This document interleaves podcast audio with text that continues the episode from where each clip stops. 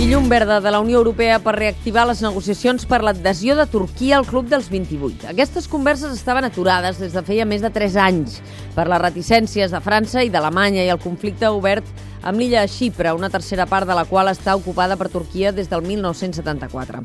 Allà hi tenim a Istanbul Marialba Geilaber. Bon dia. Hola, bon dia. Maria Alba, aquestes negociacions que estaven encallades eh, sembla que s'han desencallat per alguns gestos del govern d'Erdogan, no?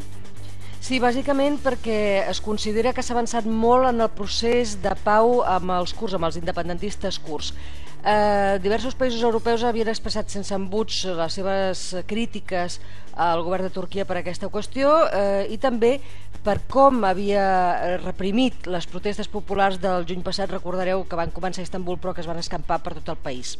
Eh, des del punt de vista turc, eh, bé, hi ha gent que accepta eh, aquesta postura europea, però consideren també que hi ha altres raons de les quals sovint no es parla i que fan que la Unió Europea posi tots els pals a les rodes que pot eh, Turquia. El professor de Ciències Polítiques de la Universitat d'Istanbul, Kivan Julusoy, les apuntava.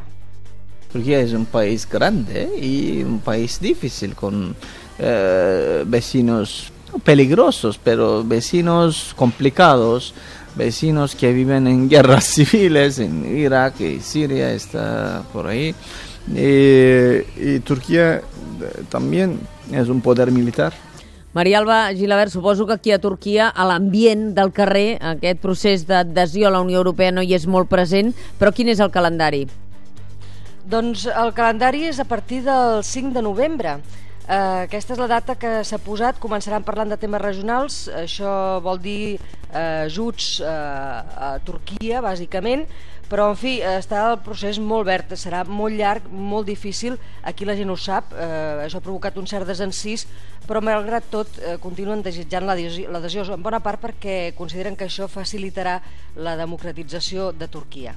Moltes gràcies, Maria Alba Gilabert, continuarem pendents de com evolucioni. Gràcies.